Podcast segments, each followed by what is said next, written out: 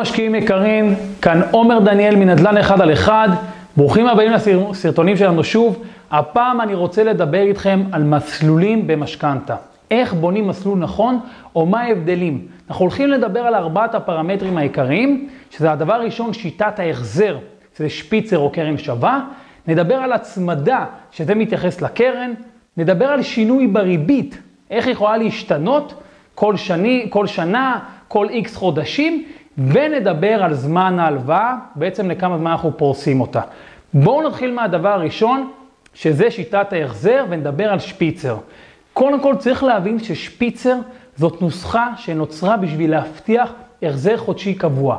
מה זאת אומרת? אני לוקח הלוואה ואני יודע שבכל חודש אני מחזיר את אותו סכום.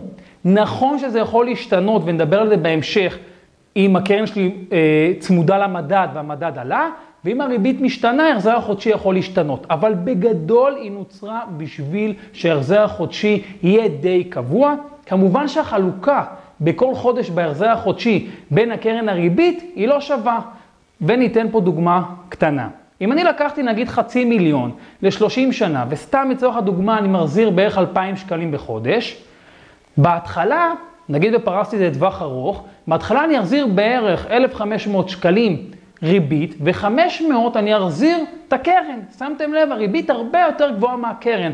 אבל לאט לאט לאט עם הזמן, כעבור 10-15 שנים, אני אחזיר 1,500 לקרן לצורך הדוגמה, ו-500 לריבית. כמובן שהמספרים לא מדויקים. מה שבאתי להגיד שבהתחלה אנחנו משלמים יותר ריבית, ואז אנחנו מתחילים לשלם יותר קרן, לאט לאט זה יורד.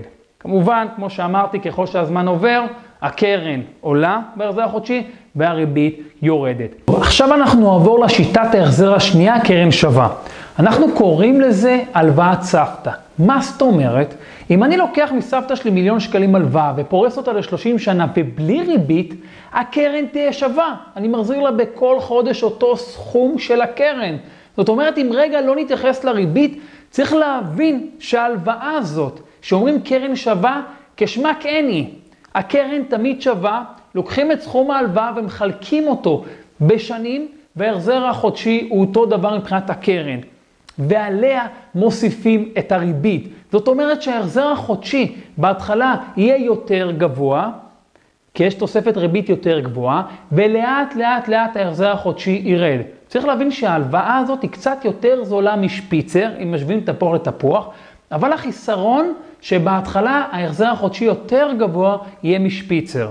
אבל, כמו שאמרתי, יותר זולה ולאט לאט היא יורדת. כמובן שההחזר על הקרן והריבית אינה שווה. הקרן בדרך כלל יותר גבוהה מהריבית, ושניהם לאט לאט לאט יורדות, וההחזר החודשי לאט לאט יורד.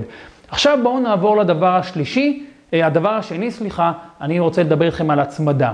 הצמדה, הצמדה בדרך כלל אנחנו מדברים, הצמדה למדד מחירים לצרכן או למטח למטבע חוץ. זאת אומרת, הקרן שלי, גובה הלוואה שלקחתי, הוא יכול להיות במסלול מסוים צמוד, או אמרתי למטח, או מדד מחירים לצרכן. אם יהיה שינוי במדד, כן, אם יהיה שינוי, למשל בעת אינפלציה, גובה הקרן שלי יגדל. זאת אומרת, אם אני חייב 700 אלף לבנק, ועכשיו המדד עלה, אני חייב לו יותר, ומה יקרה אם אני חייב לו יותר? למשל 700 ו-700 אלף ו-700 שקלים, מה יקרה? ההחזר החודשי יגדל חברים כי אני חייב לבנק יותר. זאת אומרת, אנחנו מבינים עכשיו שאם אני לוקח הלוואה צמודה מדד, המסלול הזה הוא קצת יותר מסוכן, כי אני אהיה חייב לבנק יותר בעת עלייה במדד, וכמובן שזה השפעה גם על עליית הקרן שלקחתי וגם על ההחזר החודשי. וזה אה, נושא ההצמדה למדד, צריך להבין שאין קשר לריבית.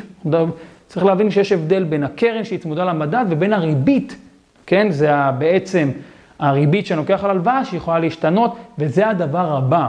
במסלול משכנתה, מעבר הצמדה למדד, יכול להיות לנו מסלול בריבית משתנה. כמו שאמרתי בתחילת הסרטון, יכולה להשתנות כל איקס שנים או כל איקס חודשים.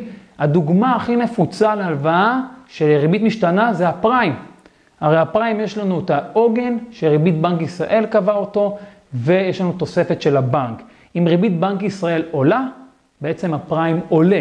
איזה השפעה יש לנו בריבית משתנה? ההשפעה היא ישירות על ההחזר החודשי. זאת אומרת, אם הפריים, בצורך הדוגמה בריבית משתנה, היא עולה, ההחזר החודשי שלי גדל, ויש לי יותר סיכון, בעצם אני צריך להחזיר יותר, אני, בעצם המסלול הזה יותר מסוכן, כי אני צריך להוסיף יותר כסף להחזיר את ההלוואה, חודש בחודשו.